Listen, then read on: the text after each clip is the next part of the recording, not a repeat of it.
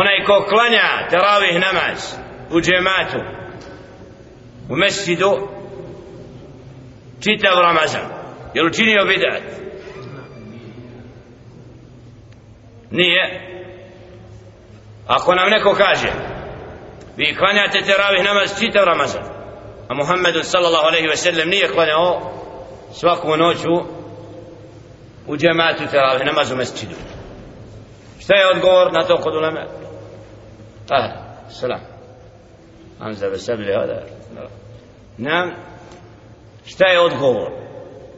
Kad nam neko to kaže vi klanjate danas teravih namaz čitav u mesjidu ali će to selam nije dajte nam dokaz iz jel?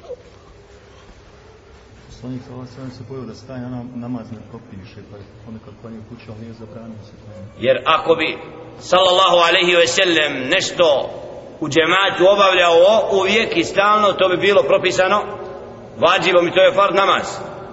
Podne, saba to u džematu moramo klanjati. Da je tako i teravi namaz dobila bi statut kao da je. Ali klanjati na filu u džematu je zabranjeno u islamu? Nije s tim što imaju pravila, znači da ne smijemo to posebno stavljati u poziciju kao da stalno to radimo i zato ćemo naći kod teravih namaza neko klanja dva rekata i krene ima obavezu ne znam. Kod dočeka kraj ima nagradu veću a znači svako zna da je teravih namaz koji učini zna šta je knjiga da je to sunna i na fila koja se klanja u džematu uz Ramazan da bi zajednički a ko je tu praksu oživio praksu Muhammeda sallallahu alaihi ve sellem nakon njegove smrti sallallahu alaihi ve sellem? Omar ibn Khattab. Povodom čega je kako se dogodio taj događaj da je objedinio džemaat na jednog imama šta se dogodilo? Šta je primijetio? Omar ibn Khattab radijallahu ta'ala i onda rekao nijamet il bid'atu hadihi. Lijep je ovo oživljavanje ovoga nečega što je bilo ostavljeno. Vidio je po mjesecu na više skupina više skupina koje klanjaju uz Ramazan u džematima, različiti džemati, svako svoga imama i učača pred sobom i u poslanikovom mjesecu ali se to selam više džemata u nafili. A pravilo je šta?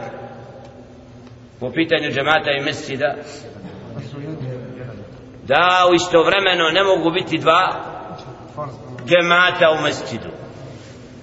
Kad je džemat, ako je fard prekidamo sunne ako ne možemo završiti na filu i ulazimo i kamet za jedan džemat jedni klanjaju drugi klanjaju dva džemata istovremeno nije dozvoljeno ovdje na fila uzeli su sebi svi mama klanjaju odvojeno je te nefalon i imam jedan uči drugi uči jedan drugog ometaju a najispravnije da jedan predvodi koji ne bude poznat učenje Korana pa je okupio i oko koga da sahaba poznati učača Korana koji ashab je predvodio?